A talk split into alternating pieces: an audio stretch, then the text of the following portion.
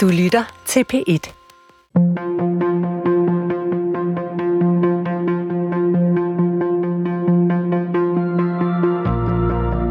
Hvad kan vi bruge en næsten 2.000 år gammel samling tekster til?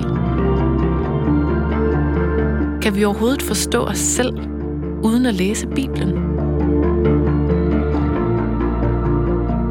Christian Let mener, at Bibelen er verdens vigtigste bog. Lauke Hendriksen læser den for første gang. Og sammen gennemgår de historierne, der stadig former vores bevidsthed og forsøger at finde ud af, hvad de betyder for os i dag. Velkommen til Bibelen Let Fortalt.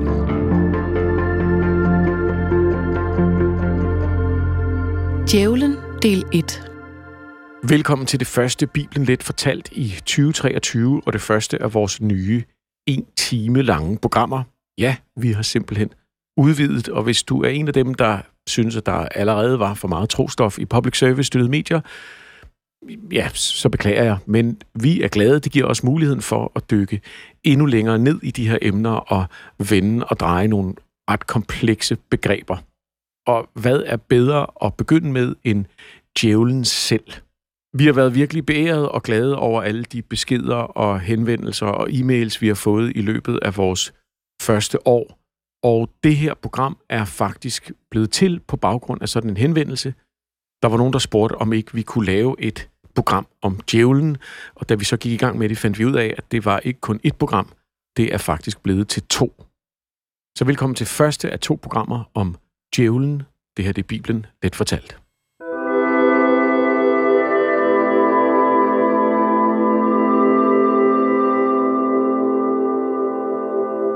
Vi øh, forsøger i dag at komme ind på, hvad djævlen er.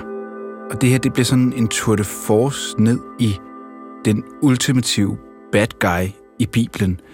Øh, eller er han? Fordi mit billede af djævlen er, på trods af, at vi nu har lavet det her program et år, faktisk kun blevet mere forvirrende, og det står ret uklart, hvad han egentlig er for mig. Så Christian, i, i dag må jeg godt sige det her.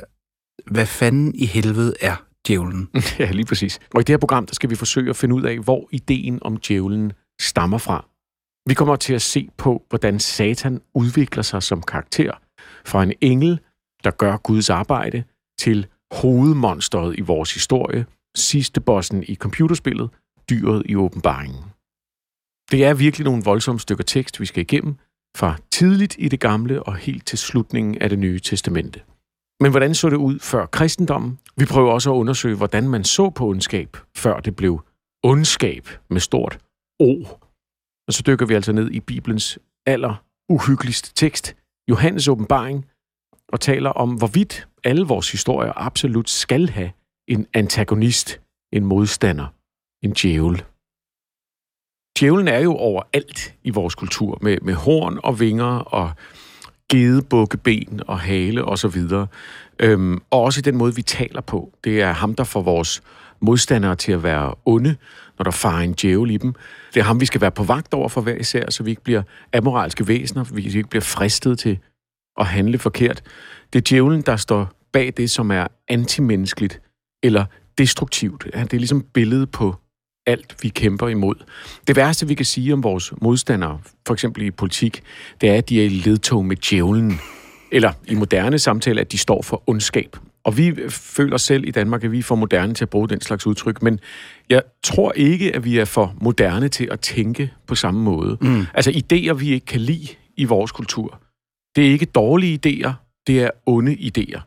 Når vi kigger på vores grundprincipper, vi er en sekulært humanistisk samfund, så har vi det med at indramme idéer, der går imod det som onde, altså hierarkier og kaster og undertrykkelse, slaveri og nazisme osv., og, og det er altså ondskab.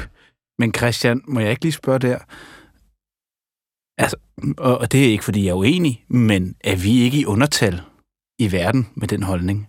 Altså, det er jo en FN-baseret øh, idé. De universelle menneskerettigheder er noget, man har vedtaget i det verdenssamfund, vi har. Altså, det er de her idéer, der i hvert fald ser ud til at i det store det hele vinde trods bekæmpelse rundt omkring. Men, men det interessante her, synes jeg, er, at når vi taler om de her ting, så tror jeg, det er det, det virker meget øh, lemfældigt og relativistisk, hvis man begynder at tale om menneskerettigheder som en idé blandt mange. Mm. Altså, vi, vi ser dem som ultimativt gode, og vi ser modstand mod dem som ultimativt onde. Til vores samtale i dag, så kan man sige, at det er den måde at tale på, vi skal dykke ned i. Fordi at sådan har det faktisk ikke altid været, og sådan er det ikke alle steder. Altså ideen om hele verden som sådan en kosmisk kamp mellem godt og ondt, det er ikke en logisk tanke, det er noget, der har meget klare rødder i Bibelen og i kristendommen.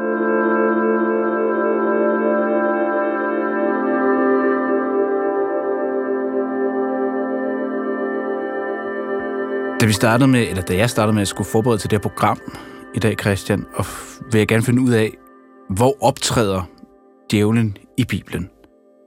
Og det er sådan en ret interessant ting, fordi så gik jeg ind på Google, og så søgte jeg, How many times does the devil appear in the Bible?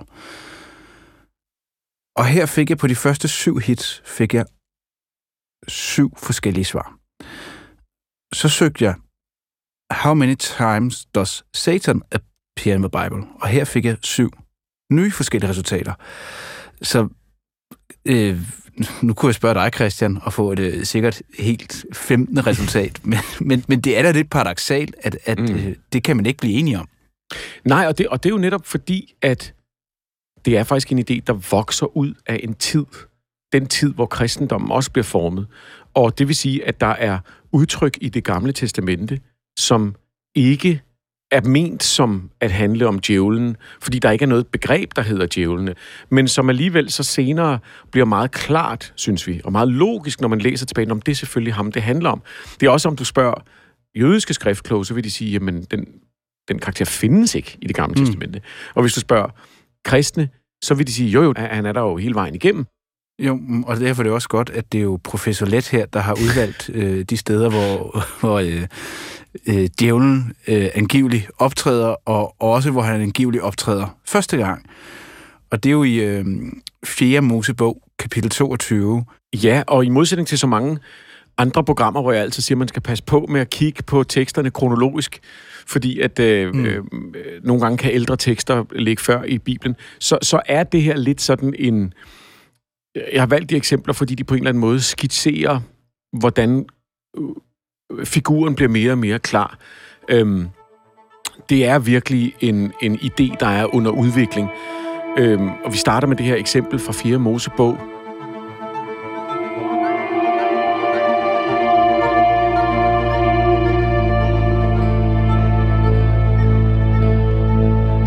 Fjerde Mosebog, kapitel 22. Gud kom til Bileam om natten og sagde til ham, Hvis mændene er kommet for at tilkalde dig, så stå op og gå med dem. Men du må ikke gøre andet end det, jeg siger til dig. Så stod Bileam op næste morgen, sadlede sit æsel og drog afsted sammen med Moabs stormænd. Men Gud blev vred over, at han tog afsted, og Herrens engel stillede sig i vejen for ham, da han kom ridende på sit æsel ledsaget af sine to tjenere. Da æslet så herrens engel stå på vejen med draget svær i hånden, drejede det af fra vejen og gik ud på marken. Men Biliam slog æslet for at få det ind på vejen igen. Så stillede herrens engel sig i en hulvej mellem vingårdene, hvor der var et stengær på begge sider. Da æslet så herrens engel, klemte det sig ind mod muren, så det kom til at klemme Biliats fod. Men Herrens engel gik længere frem og stillede sig på et så snævert sted, at det var umuligt at komme forbi til højre eller venstre.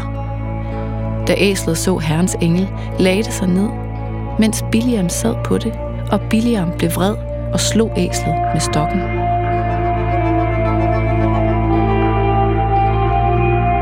Da åbnede Herren Bileams øjne. Han så Herrens engel stå på vejen med dragesvær i hånden og han bøjede sig dybt.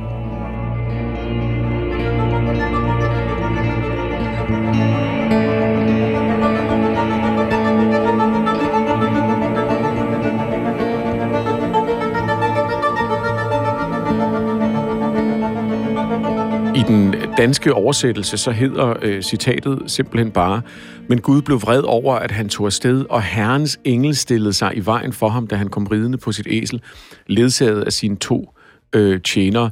Og så står herrens engel ligesom med et svær, og øh, mm. sjovt nok, den eneste, der kan se englen, er øh, Bileams øh, æsel. Men på det originale sprog står der, at herrens engel står som en satan. Hmm. Og det vil sige, det er første gang, vi ser det ord. Og, og hvordan skal vi forstå det ord der? Ja, der, der kan du høre bare det der med, at der er en foran. En satan. Ja. Øh, satan betyder en, en øh, anklager eller en, en modstander her. Så det vil sige, at mm. øhm, denne her satans figur er altså sådan en... Det er faktisk en, en af herrens engle. Det er ikke fordi, at satan her er et navn. Det er ikke fordi, satan her er sin egen. Han er simpelthen en, der står som modstander. Og det er den måde, vi ser det brugt på flere steder i løbet af det gamle testamente. Du kan huske, øh, og det kan vores lyttere måske også, ellers kan de gå tilbage og lytte på det afsnit, øh, øh, vores øh, program om Jobs bog, og vi tog øh, 120 sider på, på 30 Lige minutter. præcis. Hvor at det netop også er øh, Gud, der står og kigger på, hvor skønt det hele går, og Job, han lever bare det bedste, sit bedste liv. Øhm, og så siger øh, Satan til Gud, Det er vel ikke uden grund, at Job er gudfrygtig. Har du ikke sikret ham og hans familie og hele hans ejendom på enhver måde? Du har velsignet hans arbejde, så hans hjorte breder sig ud over landet. Men ræk din hånd ud og rør ved alt det, han ejer. Så skal han nok forbande dig op i dit åbne ansigt. Da sagde Herren til Satan, Nu får du magten over alt det, han ejer, men ham selv må du ikke række hånden ud imod. Så forlod Satan Herren.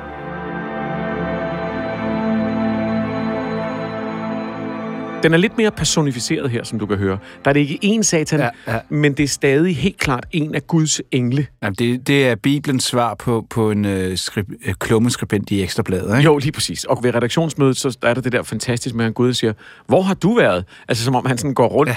og, og ordner sine egne ting, satan. Men der er ikke nogen modstand mellem Gud og satan. Det er ikke sådan, så Gud han siger, vi er bort, din djævel, jeg skal styrte dig i ildhavet. Det er tydeligvis, at det, de, de er på samme hold på en eller anden måde. Vi ser også nogle andre eksempler i det gamle testamente, hvor at Herrens engel igen sender en plage over Israel i tre dage, øhm, og, øh, og, og det bliver så beskrevet som, at han gør det som en satan igen. Så det vil sige, faktisk mm. at den mere sådan gammeldags danske måde at sige sikke en satan, det er på en eller anden måde tættere på den måde, ordet bliver brugt i det gamle testamente som en, som en, en, øhm, en, en titel mere end et navn. Ja, ja. Så øhm, er det meget sjovt detalje, at i den græske oversættelse, så bliver han oversat med ho diabolos, der betyder øh, den, der spreder rygter, eller bagtaleren. Øh, og, det bliver, så, og, og, og der kan du se, ud af ordet diabolos kommer djævel, eller øh, diablo, eller du ved, øh, devil, og så kommer øh, ordet djævlen. Og derudover så bliver satan i nogle steder i den græske oversættelse også bare, i stedet for at blive oversat til modstander, bliver det simpelthen oversat som et navn i sig selv i den græske. Og det vil sige, pludselig sidder du og læser en græsk tekst her for 2000 år siden, og så står der pludselig ikke en titel, men et navn. Og så, så begynder Ja, ja, ja, transformationen ja. ligesom at ske.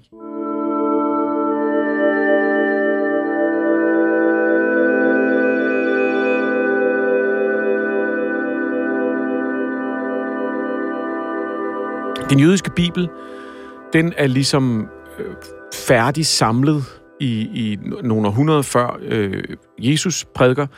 Og, og det er en tid, hvor det jødiske folk, som vi har været igennem øh, før, virkelig øh, er udsat for meget. De er i eksil i Babylon, og det er også her, de begynder at fokusere på de sidste tider, som, som også mere kommer ind i det, man kalder de apokryfe evangelier, som er sådan nogle jødiske tekster, der er skrevet efter Bibelen er blevet lukket, kan man sige.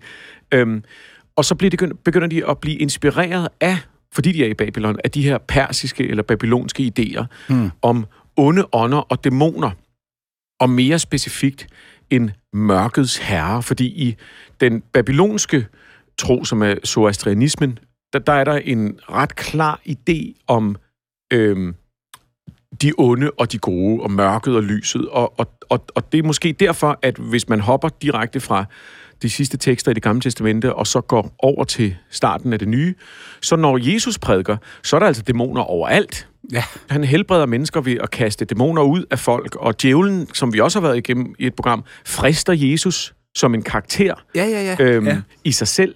Og her er han helt klart ikke en satan. Han er helt klart ikke en Guds engel sendt til jorden for at komme med en udfordring. Det er en denne verdens fyrste, og så videre, og så videre.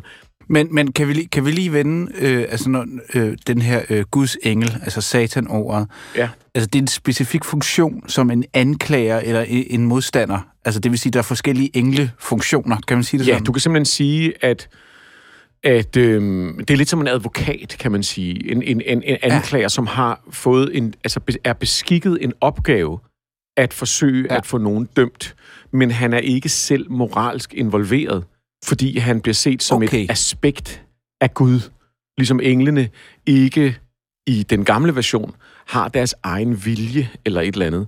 De er ligesom, øhm, vi har talt om, hvordan i det gamle testamente, at man, man i, nogle gange i den samme tekst, nogle gange i det samme sætning, øh, skifter mellem Gud og Herrens engel, som om det er den samme person, øhm, eller i hvert fald er udtryk for den samme energi. Og der kan man sige, at Satan, altså øh, den her anklager, er et aspekt af den Gud. Lidt ligesom vi har talt om visdommen, Sofia, også er en kraft, der gør noget i universet, men stadig er en forlængelse af Gud. Mm. Satan sidder ikke, når det hele er overstået, i en lænestol og tænker, hmm, fik jeg nu også det ud af min dag, som jeg skulle.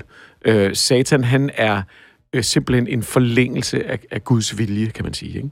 Okay.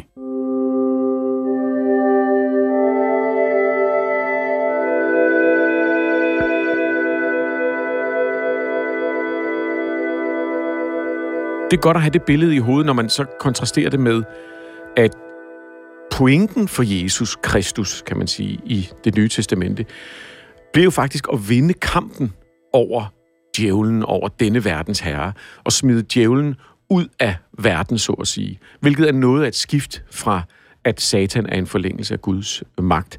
Øhm, så, så i de synoptiske evangelier, altså øh, Matthæus, Markus og Lukas, der ser vi Satan og dæmoner øh, som noget, der farer i folk, og øh, det, det, som du var inde på, det er Satan, der farer i Judas, og han forråder Jesus, og så videre, og så videre.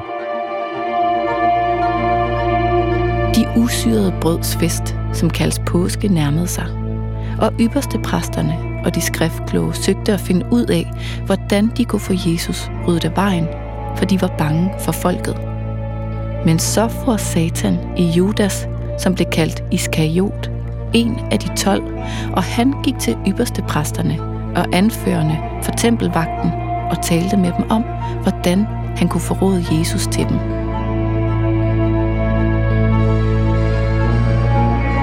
Og hos Johannes så bliver der skruet endnu mere op. Jøderne er satans børn. Jesus sagde nu til de jøder, som var kommet til tro på ham.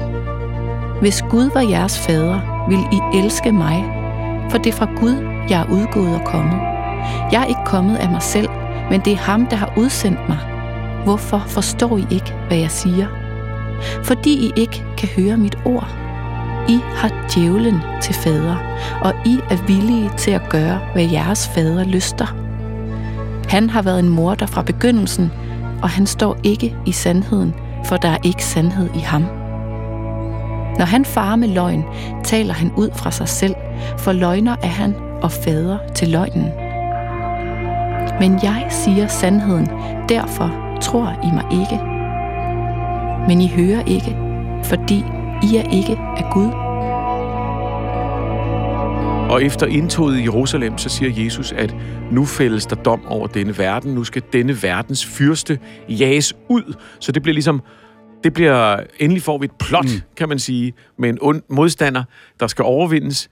Og så øh, øh, har vi ligesom øh, også med i dag Johannes åbenbaring, som er de sidste tekster, der ligger i Bibelen, skrevet højst sandsynligt fra det samme sådan teologiske sted som Johannes evangeliet, men ikke af samme forfatter. Øhm, og der får vi virkelig, endelig kan man sige, et decideret kristent apokalyptisk skrift. Vi har jo snakket så meget om de jødiske, og, og det handler hele tiden om, hvordan at de kristne sidder og tolket lige lovligt hæftigt på det. Øhm, mm. Og her får vi enten et decideret kristent skrift om, hvordan dommedag ser ud. Ja, ja, og det er som Michael Bay havde lavet Nej, det er altså, simpelthen... Der er virkelig potens. Øh, Altså, man, ja. man, det er en virkelig Michael Bay og 2012-filmen og alt det der. Det er virkelig, øh, det er meteorer, der rammer øh, jorden, det er alle vande, der bliver forgiftet, og det er øh, de, de fire ryttere, som man også øh, kender, The Four Horsemen of the Apocalypse. Men der bliver billedet af Satan, djævlen, hele molevitten, bliver virkelig klart formuleret som et bæst, som en drage, som den, der vil kæmpe, altså simpelthen en krig mod Jesus og alle de gode engle. Der, der pludselig der er vi altså gået fra en, en, en nærmest en stillingsbetegnelse til mm. øh, et, et, et bæst i sig selv, som man jo simpelthen ikke kan gøre andet, når man har læst det, end at gå rundt og være utrolig bange for. Fordi at Satan er over det hele.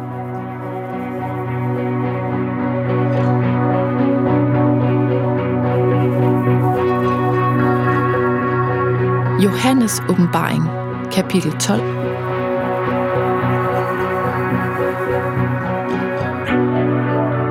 Og et stort tegn viste sig på himlen.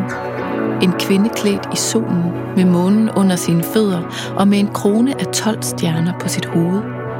Hun skulle føde, og hun skreg i smerte i sine fødselsvejer og der viste sig et andet tegn på himlen. En stor ildrød drage med syv hoveder og ti horn og syv kroner på sine hoveder. Dens hale farede en tredjedel af himlens stjerner bort og styrtede dem ned på jorden. Dragen stillede sig foran kvinden, der skulle føde, for at sluge hendes barn, så snart hun fødte.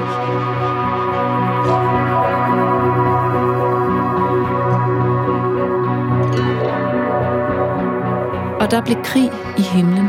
Michael og hans engle gik i krig med dragen, og dragen og dens engle tog kampen op, men kunne ikke stå sig, og de havde ikke længere deres plads i himlen.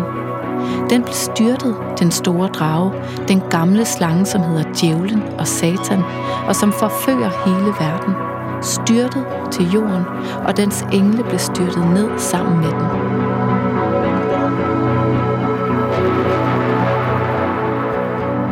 Jeg kan ikke regne ud, hvordan vi kommer til det ene til det andet, men jeg kan godt se, at det bliver skal man sige, voldsommere og voldsommere undervejs.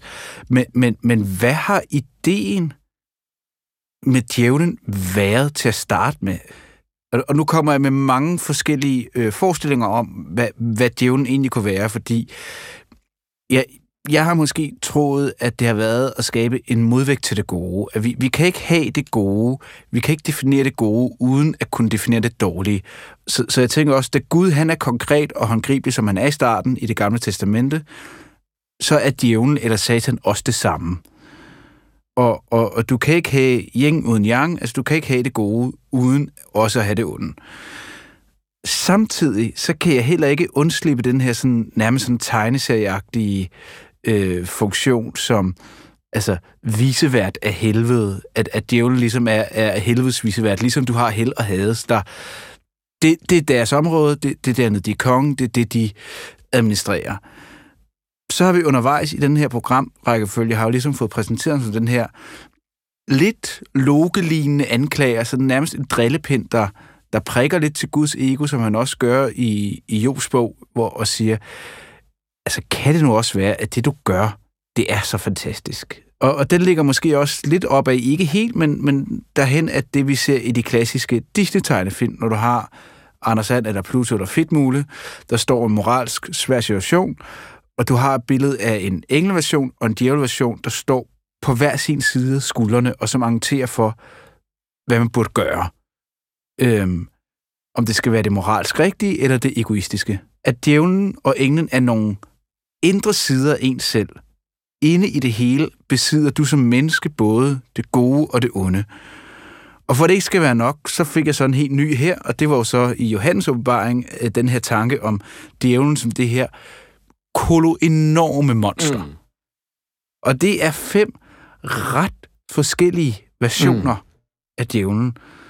Så hvad, er, er, er der en grundlæggende idé om, hvad djævlen er, når, når det her kan skifte så utrolig meget? Jamen altså, man kan sige, det der jo kendetegner alt det, du sagde, for du har fuldstændig ret, djævlen får godt nok øh, meget ansvar, ikke? Øhm, han kan både være den, der frister dig, når du tænker, øh, nu, nu gør jeg noget, jeg ikke burde gøre. Det er også samtidig ham, der sørger for, at der er ondskab i verden. Det er også ham, der mm. udfordrer Guds skaberværk, og det er også et monster, der simpelthen kan springe på dig. Øhm, og det, der kendetegner alle de ting, er jo, at det er alle de former for ondskab, vi mennesker kan forestille os. Den, der er, om vi tror, den er inde i os, om man tror, den er uden for os, om man tror, den er øh, som en betingelse i det at være menneske, eller en betingelse i livet, øh, så, så har djævlen ligesom fået ansvaret for det hele. Ja, men, men bare lige for at vende den der med, altså, at alt er det onde, så er det jo næsten bare et begreb. Ja, altså. det er jo også det, det er ved at udvikle sig til. Ja. Det er jo ved at udvikle sig til at være øh, et billede på et begreb, hvor man taler om menneskelig ondskab. Og, og, og der er masser af super sekulære, øh, for, såkaldt fornuftige forfattere og tænkere, der stadig opererer med en idé om, at mennesket grundlæggende er ondt eller destruktivt. Det er også noget, vi ser, når vi taler om vores indvirkning her på planeten. Jeg stod i går aftes til et middagsselskab og havde en samtale med en mand, der mente, at mennesker var født voldelige. Øh, og at, at, altså, og det, og det, er en, det er en meget klassisk idé, som ikke har særlig meget fundament i psykologien, men som er sådan en grundlæggende idé om, at ondskaben eller voldeligheden er egentlig vores natur, og så prøver vi at temperere det med vores logik og vores moral og alt muligt andet. Og det sjove er, at det passer egentlig rigtig, rigtig godt med ideen om, at vi hele tiden bliver fristet af en djævel, en ondskab, der er i verden, at vi er syndige, men at vi kan prøve at gøre det bedre. Vi har bare skiftet måden, vi taler om det ud.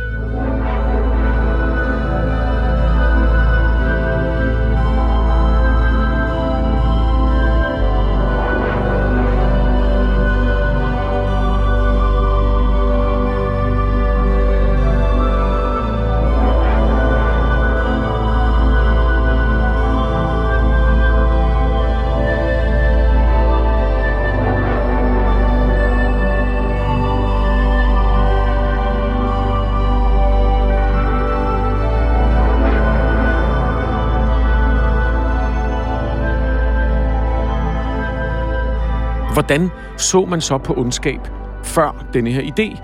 Og der øhm, kan man sige, i alle tider, så, så kan man sige, at mennesker har talt om onde ånder. Det har de helt klart, og deres indflydelse på vores liv. Altså det, det ser vi i animismen, det ser vi i panteismen, og det ser vi i mytologierne osv.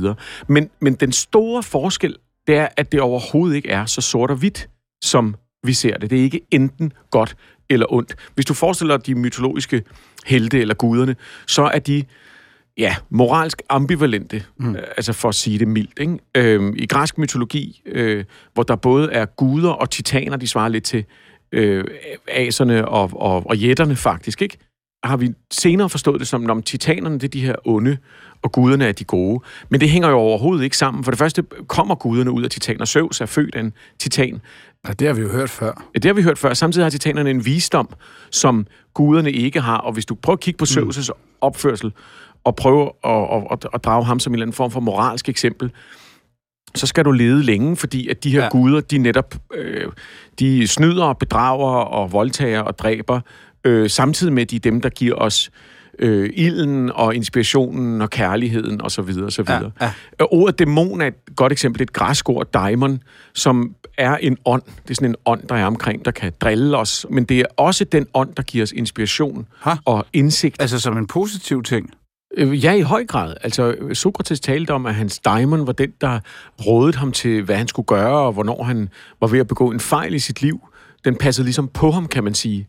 Den bedste ord for det egentlig er skytsengel. Altså, det er simpelthen sådan en slags følgeånd, okay. som du bliver nødt til at kurtisere og, og, og kultivere. Øhm, fordi hvis du ikke gør det, så går det galt. Ah, nu, nu giver Det Gyldne Kompas meget mere mening, den der bogserie. Det ved jeg ikke, om du har læst. Ja, i høj grad. Ja. Nå, men det, det er helt klart. Han er, han er også antikristen, decideret øh, ja, Pullman ja. der. Men, men han har brugt ordet diamond, og, og netop forsøgt at gøre det altså øh, gøre det til, til, til et dyr, der både, altså som er ens instinkt på en måde. Det er ens indre karakter. Det er ens øh, øh, sjæl, er et andet ord, ikke? I egyptisk mytologi, der er det heller overhovedet ikke så klart. En af de bedste eksempler på en ond gud, det er Set, øhm, som er øh, Osiris bror. Han står for forvirring og ødelandet og tørken, og han myrder sin bror osv. Det vil sige, at han ligner djævlen i mange øh, moderne fortolkninger. Men altså Set er stadig beskytter af solen på dens rejse over himlen, og han er en meget værdifuld manifestation af, øh, af det guddommelige, fordi det guddommelige ses som et aftryk af alle øh, tilværelsens og alle menneskehedens og bevidsthedens forskellige sider, og der er vores aggression, vores vrede, vores ambition, det er ikke noget, der enten er godt eller dårligt, det er simpelthen en del af det at være menneske. Mm. Og derfor var der også kulte til sæts ære, og man har fundet sådan noget slogan, sloganer, der er skrevet ind, hvor der står sæt herskere og sådan noget. Og det vil sige, og de her mennesker har altså ikke været satanister. De har simpelthen bare dyrket Sæt, hvor andre har dyrket Osiris eller Isis eller et eller andet andet. Ikke? Men han har også haft en, en, en, en vigtig funktion, trods alt, ikke? Det har han, og det, og det, det er en rigtig god pointe, at i de her fortællinger, der har de mørke ånder også en vigtig øh, øh, opgave. Bare se på nordisk mytologi. Hmm. Det var jo ikke sådan, at der var en klar opdeling mellem gode og onde ånder. Øh, vi har i dag en tendens til at snakke om jætterne som de, de onde, og, og guderne som de gode. Men det er altså jætterne, som Odin må opsøge for at få visdom. Det, det er de underjordiske guder. Det er dem, vi skal søge dybt ned under jorden for at få adgang til. Ja, e- eller altså det, det, det, det dyriske nogle gange. Ikke? Altså de der... Lige præcis. Ja. De, de står for mange af de der... Øh, mørke aspekter, men mørke betyder ikke bare dårligt. Øh, der er jo den sjove detalje med, med den nordiske mytologi, at vores version af den Øh, altså, altså Snorres Edda er jo skrevet ned af en, af en, af en kristen munk, mm. som var meget optaget af at prøve at få den nordiske mytologi til at passe med en bibelsk fortælling, og derfor så en klar opdeling, og skrev den på den måde, også som sådan en, altså guderne som de gode inde i midten af hele verden, og alt andet som en eller anden form for forfald. Og det er altså ikke rigtig sådan, det er. Det kan vi se på vores andre kilder fra nordisk mytologi. Så det er egentlig ret sent, at vi mennesker ser ud til at begynde at dele verden op i ond mod god, som sådan to forskellige, øh, øh, hvad hedder det, sider. Altså hvis du... Nissen er et rigtig godt eksempel. Nu har vi lige haft jul, og øh, øh, nissen er en, en stedånd, der hører til et, et sted eller et hus. Og øh, hvorfor stiller vi grød ud til nissen? Men det gør vi, fordi vi offrer mad til husånden. Øhm, ikke fordi den er sød og nuttet, men fordi hvis ikke husånden er glad, så er huset ikke øh, sundt. Så er der splid, så bliver mælken sur, så øh, øh, går familien falit. Øh, det vil sige, at jamen, er det så en god ånd eller en ond ånd? Jamen, hvis du holder øh, nissen i hævd, øh, altså i klassisk eller øh, øh gammel folketrosforstand, så er hjælper den der, og hvis du øh, går på tværs af den, så pludselig kan du ikke finde dine sokker, og øh, hunden dør og sådan noget. Ikke? Så det er sådan ligesom, øhm, det, det er meget mere facetteret og, og, og mangfoldigt end som så. Og så sker der ligesom det, at i, øhm, det er en af de klareste bud, vi har på det, det er, at, at zoroastrianismen, som sagt, som er det her, der opstår øhm, cirka, altså det, rødderne er 1000 år før Kristi fødsel, men det opstår måske i sin form, så den 600 år før Kristi fødsel, i det, der i dag er Iran, så kommer denne her øh, ret vilde religion, vi snakker tit om radikale øh, brud, hvor at der simpelthen er en, en lysets herre, der hedder Ahura Mazda, og så er der Ariman eller Angramanyu, som er mørket, mørkets herre. Og der, der kommer der en meget klar dualistisk opdeling mm. af verden for første gang. Det er den første gang, i hvert fald har nogle nedtegnelser af noget. Øhm, det er her, man begynder at tale om, at alt mørkt er ondt, og at alt det onde er, er, er øh, Arimans øh, udsendinger i verden. Og, og, og det er altså her, jøderne er i eksil, og, så, og det er her, vi begynder at se de her apokryfe tekster, der virkelig udfolder de her historier. Altså en af dem hedder Enoks bog, som handler om engle, der gør oprør mod Gud, og voldtager nogle menneskekvinder, og så bliver fordømt for evigt, øhm, og, og gemmer sig i huler rundt om på jorden. Og det er, jo, det er jo ikke noget, vi kender fra det gamle testamente, men, og det når heller ikke til at være med i Bibelen, men øh, det siges, at, eller vi mener, at Enoks bog i årene op til Kristi fødsel er en utrolig populær tekst blandt jøder. Det, det, det er en bestseller. Det er simpelthen en bestseller. Så de her ja. idéer, de begynder ligesom at florere. Idéerne om, at der er en ondskab derude, som står over for lyset. Der er noget mørke, der står over for noget lyst, og man begynder at identificere, øh, hvad hedder det, Gud med lyset, og modstanderne med alle de dæmoner og ånder, vi ser rundt omkring. Altså det er, det er datidens ringes herre, vi er ude i. Det er helt klart en meget mere... Det, det, det, det er det faktisk. Det er fuldstændig datidens ringes herre. Ringenes herre er et rigtig, rigtig godt eksempel på den her dualistiske måde at se verden på, hvor øh, ondskaben ikke er personligt motiveret, eller lemfældig, eller tilfældig.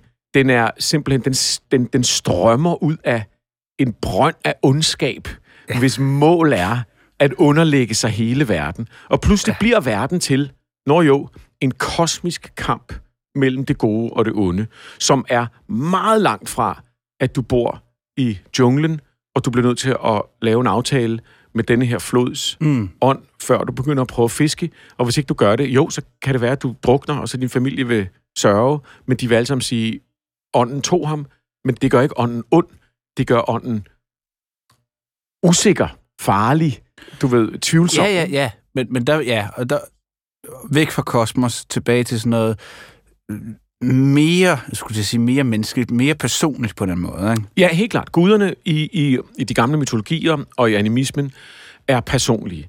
Man skal holde dem til, altså med, med offringer, men man skal også ære dem, og man skal lave aftaler med dem, og nogle gange skal man prøve at snyde dem.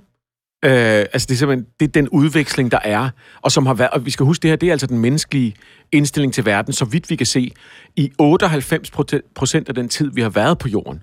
Så den her idé om det gode og det onde som, som, som to modsatrettede kosmiske kræfter, er vidderligt et kæmpe brud med det, som nok har været vores faste indstilling. Og jeg tror, en af grundene til, at vi nok bliver ved med at stille grød til nissen, det er, at det sidder nok ret dybt i os et eller andet sted, den der idé. Ikke? Ja, ja, ja.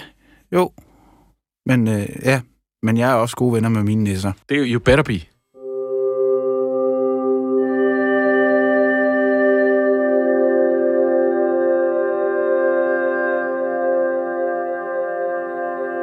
Så, så lad os øh, dykke ned i, i noget af en øjenåbner for mig, eller i hvert fald en sådan holdt op wow-oplevelse, jeg havde med noget af det her, vi læste i dag.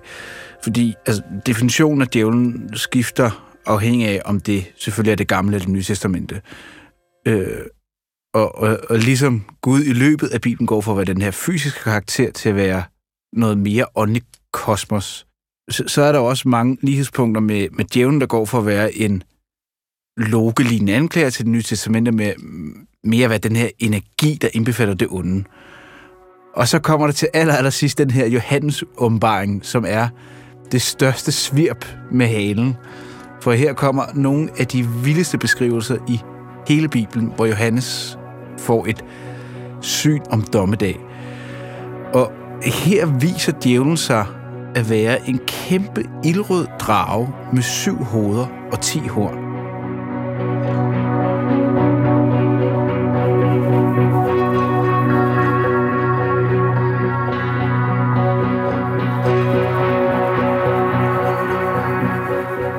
Da dragen så sig styrtet ned til jorden, forfulgte den kvinde, der havde født drengen.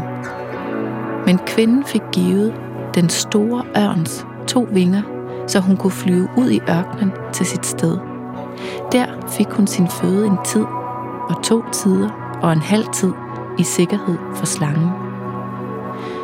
Men slangen spyede en hel flod af vand ud af sin mund efter kvinden, for at hun skulle rives med af floden – men jorden kom kvinden til hjælp og åbnede sit gab og slugte den flod, som dragen spydde ud af sin mund.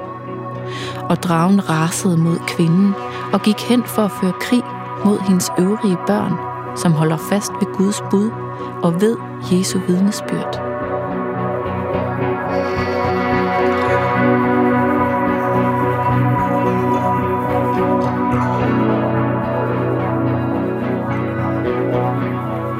Kan, på den måde kan jeg ret godt lide det sådan romanmæssigt. Altså hvis vi ser verden altså gennem Bibelen som, som noget, der er skabt af Gud, så har jo undervejs været den her, djævlen har været den her sten i skoen, der har sørget for, at det ikke er alt, der er gået efter planen. Så man ser en film, så først til allersidst, så den her sten i skoen, der er djævlen, den får der så ud og viser sit sande onde jeg. Den trækker ligesom mm. Scooby-Doo-masken af og siger, haha, det er mig, der er djævlen. Altså, den ultimative boss, som det er man skal det bekæmpe ved, ved dommedag. Ikke? Mit store spørgsmål er, hvordan fanden når Johannes åbenbaring frem til, at djævlen, ham som nærmest var en engel for Gud, stod lidt i vejen for en spormand, eller det her med at fik det onde frem i Judas. Hvordan når han frem til det her vilde monster? Jamen altså, det er et godt spørgsmål, og jeg tror, en måde at besvare det på, øhm, det er at forstå Johannes åbenbaring som noget af det mest, øhm, hvad kan man sige, øhm, overvældende stykke fanfiction, der nogensinde er lavet. Øhm, Johannes åbenbaring skriver sig ind i en tradition, og vil gerne skrive sig ind i en tradition, som er de jødiske øh, apokalyptiske åbenbaringer fra Daniel, fra Esajas osv. osv. Øhm, og det vil sige, at, at når, når Johannes, hvem end den her Johannes er, Johannes fra Patmos, øhm, øh, altså det, det siges i starten af teksten, at, den er, at Johannes øh, skriver, at han er på Patmos, en, en ø i, i Middelhavet, og han får de her syner og ser de her ting. Øhm, han, han, han skriver sig ind i en tradition, og ikke bare refererer han til den. Det er jo noget, vi har set gennem hele det nye testamente, at man siger, det står jo også i Bibelen, og det står jo også i det gamle testamente, og det, det sagde Esajas jo også, osv. osv. Her, der svinger han sig op til, og, og, og um, altså hans syner er de født ud af denne her form for billedskabelse, den her form for retorik, mm. den her form for øh, verdenssyn. Det er ikke fordi, jeg tror, at Johannes åbenbaring er et, et, et nøje udregnet øhm, sådan, du ved, øh, øh, øh, propagandistisk skrift. Det virker alt for inspireret, det virker alt for voldsomt.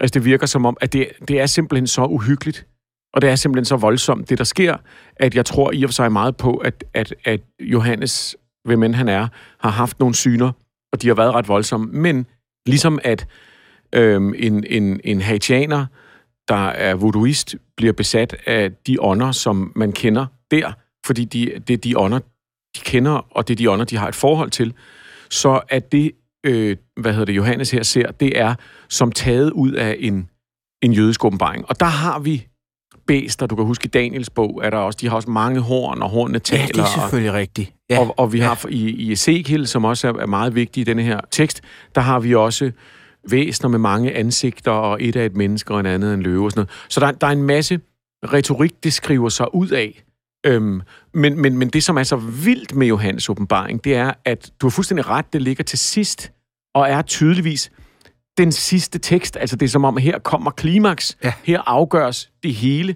og det er også her alle øhm, snorene, eller hvad hedder det, knuderne bliver bundet på alle de her djævelske snore, der går gennem det nye øh, og det gamle testamente. Efter, kan man sige, Johannes åbenbaring, der er djævlen fuldstændig klart for eksempel også defineret som den samme som slangen i øh, åbningen af det gamle testamente. Og det er jo ret sjovt, fordi... Ja, det, det, det stussede jeg over. Ja. Øh, normalt, når man, hvis man tænker over slangen, der, der, der jo øh, frister Adam og Eva med, med æblet, så er han klassisk set, han siger så, så er slangen, den er klassisk set identificeret med Satan eller djævlen. Og det er ikke noget, der står i teksten. Der står bare, at det er en slange, højst sandsynligt med ben, som, som hvad hedder det, øh, som er snu. Og det, er en, det, er en, det ser du i alle mytologier, at slangen er snu. Det er sådan en, den, den, fordi den kan gemme sig og forsvinde hurtigt og bider fra et... Du, du ser den ikke, og pludselig er du blevet bidt, og så er du forgiftet. Så den er altid blevet forbundet med visdom og med, med øh, snarådighed og med, med alt sådan noget der. Og det er for sig det, vi ser i det gamle testamente. Men i den kristne retorik, der er slangen lige med djævlen. Det er djævlen, som frister. Og det har vi simpelthen i, i Johannes åbenbaring, der er der en sætning, der beskriver, hvordan en engel øh, griber dragen, den gamle slange, som er djævlen og satan. Og i virkeligheden, og det her det bliver rigtig kompliceret, men i virkeligheden skal verset nok egentlig hentyde til øh, øh, Leviathan eller Leviathan, den store slangedrage, ja, ja, ja. der skal destrueres, når Gud kommer for at dømme os. Det, det, det læste vi om i Esajas profeti, kapitel 27. Men det bliver for de kristne øh, kirkefædre i det andet århundrede allerede, begynder de at identificere den slange med slangen i Edens have. Og det hænger jo sammen med, som vi har talt om, at i, i, øh, i Paulus' teologi og i, øh, og, og, og i den måde, kristendommen formulerer sig selv, i, specielt i Johannes evangeliet, der er Jesus korsfæstelse jo en fuldbyrdelse af en menneskelig fortælling om synd. Og der har vi snakket om det her med arvesynden, at allerede med Adam og Eva, der, der, der gør vi noget forkert, og det bliver ligesom forløst med Jesus. Og hvis vi skal tage det alvorligt, hvem er det så, der fik os ud i den synd dengang? Ja. Det var slangen. Og så pludselig har du altså en antagonist, der var der hele vejen igennem. det, det, det, altså hvor jeg sådan rent romanmæssigt kan jeg faktisk godt lide det. Altså, så, så, så hvem end det har været, vil jeg godt rose den for i hvert fald at prøve at samle Altså, det, det er lidt ligesom, at, at du sidder med en, en filmserie, en eller Marvel-serie, og der er ret meget uforløst, og du skal lige have manuskriptforfatteren ind til at sådan, hvordan får vi løst alt det her, ikke? Jo, og det er jo en, det er jo, det er jo en ret skøn ting, synes jeg, at, altså det, fordi der er en logik i det, som vi i dag tager for givet. Altså en dag, når vi læser Edens Have, Adam og Eva, så er det sådan, så snart slangen kommer ind, så ser vi den som den der frister. Men det står der bare ikke. Mm. Altså det, det siger noget om, hvordan vores, vores mentalitet er blevet formet af det her.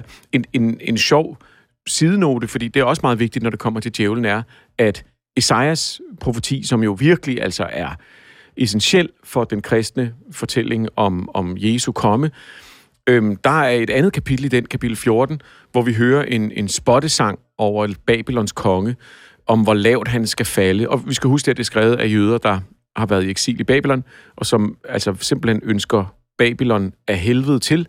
Så der er sådan en, en spottesang om, selvom at Babylons konge, han ser sig selv lige så højt som stjernerne, højt over skyerne, lige så høj som den højeste, så se, hvor han skal falde, og se, hvor dum han er, hvor grim han er, hvor han, alle hans byer skal brænde. Og det er sådan en rigtig, det er sådan en rigtig øh, du ved, sådan ha-ha-agtig øh, øh, sang.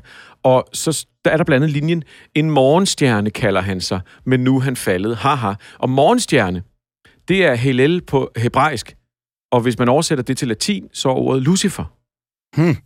Og øh, øh, morgenstjernen var også navnet på en gud i en lokal mytologi i Kanaans land, øh, som repræsenterede planeten Venus. Og alle de her ting, de bliver ligesom sammenflettet. Hos Esajas er det en pointe, det er et ordspil. Han har skrevet et ordspil ind i sin sviner af Babylon. Haha, du kaldte dig en morgenstjerne, men nu er stjernen faldet. Men i vores fortælling, ja. så bliver det simpelthen til i de næste århundrede øh, ideen om englen, der er blevet styrtet ned fra himlen på grund af sit hovmod og sin stolthed. Og selvom teksten i sin tid handlede om en konge, så bliver det simpelthen til historien om Lucifer, morgenstjernen, englen, der forbrød sig mod Gud. Den har vi fra Enoks bog, at de var taget ned til jorden og gjort det, de ikke måtte, og som nu blev styrtet ned og blev til djævlen selv, som så også er slangen, som så også er en drage, som så også er alle de her ting. Men, men det er lidt det. Det lyder lidt som øh, fejlfortolkninger med vilje. Ja, eller også kan man sige, så snart du begynder at lede efter det plot, er der en hovedmodstander. Ja. Så finder du den pludselig også. Eller, eller ikke, altså det, det lyder også sådan... Jeg mener det mere generøst, end, end det lyder. Altså jeg, jeg tror lidt, at, at hvis man... Hvis, hvis ens syn på, hvad godt og ondt er, bliver omkalfatret. Og jeg tror, det er det, der er sket først. Jeg tror, at, at man har haft det her skifte til pludselig at se verden delt op som ond eller god. Jamen, når du så læser de gammeltestamentlige tekster, så må ham, der, der, der gerne vil tage alt fra Job, han er jo så ond. Mm. Hvis, det, hvis der er en god og en ond, det slangen, der gør, at mennesket ryger ud af Edens have, er så pludselig også repræsentant for det onde. Og pludselig ser du som om det er sådan en skikkelse bag alle narrativerne. Altså, det er jo næsten sådan en uhyggelig oplevelse. Så ser man pludselig djævelens hånd bag alle handlingerne, ikke? Jo, men... og, så, og så går man i gang med at fortolke. Men, men det kan jeg da også godt huske på gymnasiet, når man lave dansklæreanalysen og sætte en anden seksuel vinkel på eller noget. Så, 100 procent. Så kan alt forstå sådan. Yes. Det, det er der helt sikkert noget i. Der er noget med, at når der, når der først sker et paradigmeskift Altså et paradigmeskift, som er, at man pludselig begynder at identificere ondskaben øh, ikke som øh, f- øh, forkerte handlinger eller syndige handlinger, som mennesket gør, og som Gud så bliver vred over, men som repræsentant for en ondskab i sig selv. Når først man laver det paradigmeskift, så ændrer alle historier jo fortegn. Det, du kan, lad os tage en historie om i dag, lad os tage en historie om øh, manden, der øh, hævde en journalist ned i en ubåd og parterede hende. Hvis vi vælger at kigge på den med en idé om menneskelig psykologi, med en idé om, om sindsforstyrrelse, med en idé om seksuelle motiver, hvad det kan være, så er det det, det fortællingen handler om. Men hvis vi mener, der er en ondskab, der lurer, som vi mennesker kan skal være på, på vagt over for, så er det jo fuldstændig klart, hvad den historie handler om. Mm. Og igen, hvis vi har en anden version igen, som er, jamen vi mennesker er grundlæggende set voldelige øh, mennesker med en, vi kalder det ikke ondskab mere, men med en indbygget destruktivitet. som samfundet holder nede, jamen så er det pludselig en historie om, at samfundet ikke kunne holde det nede mere. Så det vil sige, den linse, vi kigger på historien med, ændrer selve historiens betydning. Mm. Og det er jo en stor del af projektet med de her programmer, kan man sige, det er jo faktisk at prøve at lægge linsen væk, eller finde den gamle linse frem, for at se, hvad det egentlig er, de mente. Men her ser vi simpelthen, øh, at de pludselig sidder med en anden brille og kigger tilbage på det gamle testamente, og fundet djævlen overalt. Ja, og, og skrevet til sidst den vildeste fantasy-historie, som de så har sagt, den skal vi også kigge det på igennem.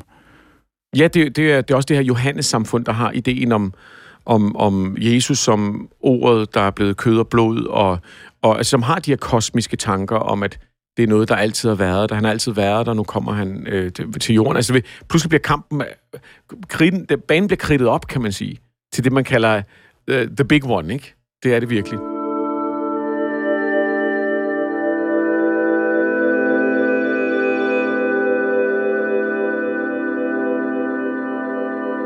Men hvorfor er det, at vi har...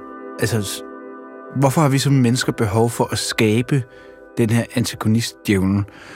Øh, fordi jeg tænker, det, det er lige så gældende i dag, at hvis vi oplever noget i dag, som er forfærdeligt, så, så er det også nogle gange nemmere, hvis vi kan sætte et ansigt på ondskaben.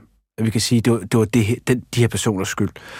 Så, så hvad er, er der en idé med at skabe en karakter, djævlen?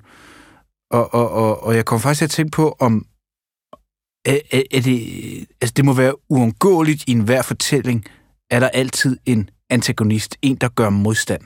Ja, fuldstændig. Altså, og det vil uanset om det er en, en roman i dag, eller en myte eller savn, eller noget fra Bibelen. Så, så vi bliver vel nødt til at have en modstand, og, og, og, og det tænker jeg også, altså jeg tænker bare, der må være en idé med, at vi skaber djævlen. Altså vi kunne også bare sige, Gud skabte ikke det perfekte. Vi har ikke nogen forklaring på, hvorfor. Ja, altså du, jeg, jeg tror nærmest, man skal vende den om. Øhm, øh, der er en britisk øh, litterat, der hedder Frank Kermode, som har skrevet meget om det øhm, faktum, at det er ikke sådan så, at de bibelske narrativer er de logiske narrativer. Det er sådan så, at de bibelske narrativer er så indgroet i vores kultur, at vi nu sidder og siger, jamen alle historier må, en have, må jo have en antagonist. Ligesom mm. alle historier har en begyndelse, midt og en slutning. Øh, alle historier er udvikler sig lineært på den samme måde, som fra skabelsen til destruktionen af jorden. Det er simpelthen ja. det, det, det, spørgsmålet er, hvad der kom først, hønnen eller ægget, kan man sige. At hvis du kigger på folkeeventyr og myter, så er der antagonister, men de bliver nogle gange til protagonister, og omvendt. Det er sådan, så dem, vi holder med, de gør ting, som er moralsk anstødelige og ender med at vinde det hele. Øhm, det er sådan, så der er en, nogle gange en cirkulær forståelse af, hvordan historien er, frem for en lineær. Så det vil sige, det, det, det interessante ved det, tror jeg, er mere at se på, at djævlen, historien om djævlen som modstander Ron, er blevet så grundlæggende for os, at det er det, vi er fuldstændig primet til at, at øh, øh, forvente af en historie. Og vi har meget svært ved historier, der ikke har det. Et, et godt eksempel er som sagt enten folkeeventyrene, øh, hvor at øh, de her roller er meget mere, øh, hvad kan man sige, øh, grå og meget mere øh, omskiftelige. De bliver så påvirket af kristendom op igennem historien, men, men vi kan stadig finde rødderne øh, i det. Uden øh, heksen eller ulven eller monsteret, så, mm. så bliver hovedpersonen heller ikke til en prins, eller til en, til en prinsesse, eller til... Altså, du ved, det, det, det, er en, det er en modstand, som er nødvendig på en anden måde. Øhm, og det er også dem, der tit giver visdom, og det er også dem, der tit giver de magiske våben osv. En anden ting er at kigge på sådan noget som øh, film fra en anden kultur, altså japanske film for eksempel. Der, der, der, der sidder man nogle gange med den der helt mystificerede underfundighed, når man ser en film af sådan en som Hayao Miyazaki for eksempel. Mm. Fordi at man er faktisk ikke klar over, hvem er modstanderen? Hvad, hvad er det egentlig plottet er? Kig på en film som øh, øh, Chihiro og Heksene, ja. efter min mening en af de største mesterværker i moderne øh, filmhistorie, hvor øh, der er en karakter, der hedder Nulfjæs, som er en ånd, der, der, der pludselig kommer til at spise mere og mere og mere, og bliver til nærmest, altså bliver til sådan en, en, en, en, en, en fortæringsdæmon, der æder og æder og æder. Og, og det kender vi godt. Okay, det forstår vi godt. Der er en eller anden moralsk fortælling. Den er pludselig en modstander. Men, men Nulfjæs ender med at spytte alt ud igen og blive en, en, en, en øh, nærmest følgekompagnon for vores hovedkarakter, og er ikke antagonisten. Øh, og der, det er meget svært at se og udpege karakterer som enten gode eller onde, eller renfærdige osv. Så, så, videre. så det vil sige, jeg, jeg tror mere blikket er, at, at det er interessant at se, hvordan at vi er så opsatte på, at der må være en, der er den onde i historien. Men, og, og hvis vi skal finde svar på det, så skal vi tilbage her og kigge på djævlen i Bibelen. Jeg, jeg, havde, jeg havde automatisk tænkt, at jamen, men det er jo egentlig rigtigt. Der skal jo være en antagonist, før historien fungerer. Mm. Jamen, det lærer vi også i skolen. Og det er jo... Altså, det er jo, det er jo sådan, man, man trepartstrukturen og antagonisten og protagonisten og alle de her ting er jo, er jo greb, vi lærer, men det er ikke greb, der er givet til os fra naturen. Det er greb, der er givet til os af vores kultur. Øhm, og det er svært at skrive en historie uden en antagonist. Fordi vi, vi simpelthen... Øhm, den, den sidder så meget i os, den fortælling, at det er faktisk svært at prøve at lave en meningsfuldt, spændende forløb, uden der er nogen, der prøver at dræbe helten eller et eller andet i den retning undervejs.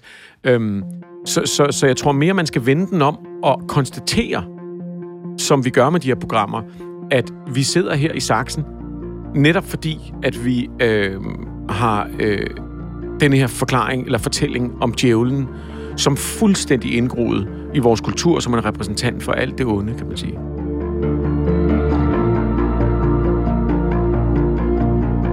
Satan huserer stadig i næste afsnit, hvor Bibelen lidt fortalt undersøger, om dyrker af djævlen overhovedet findes, og udforsker, hvordan Bibelens billede af det onde har ført til demonisering, modkultur og sekulære satanister.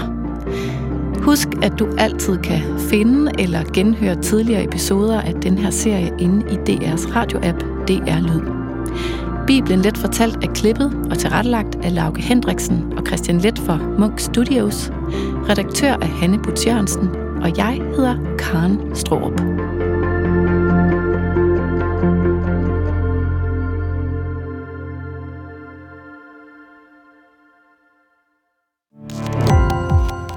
Gå på opdagelse i alle DR's podcast og radioprogrammer. I appen DR Lyd.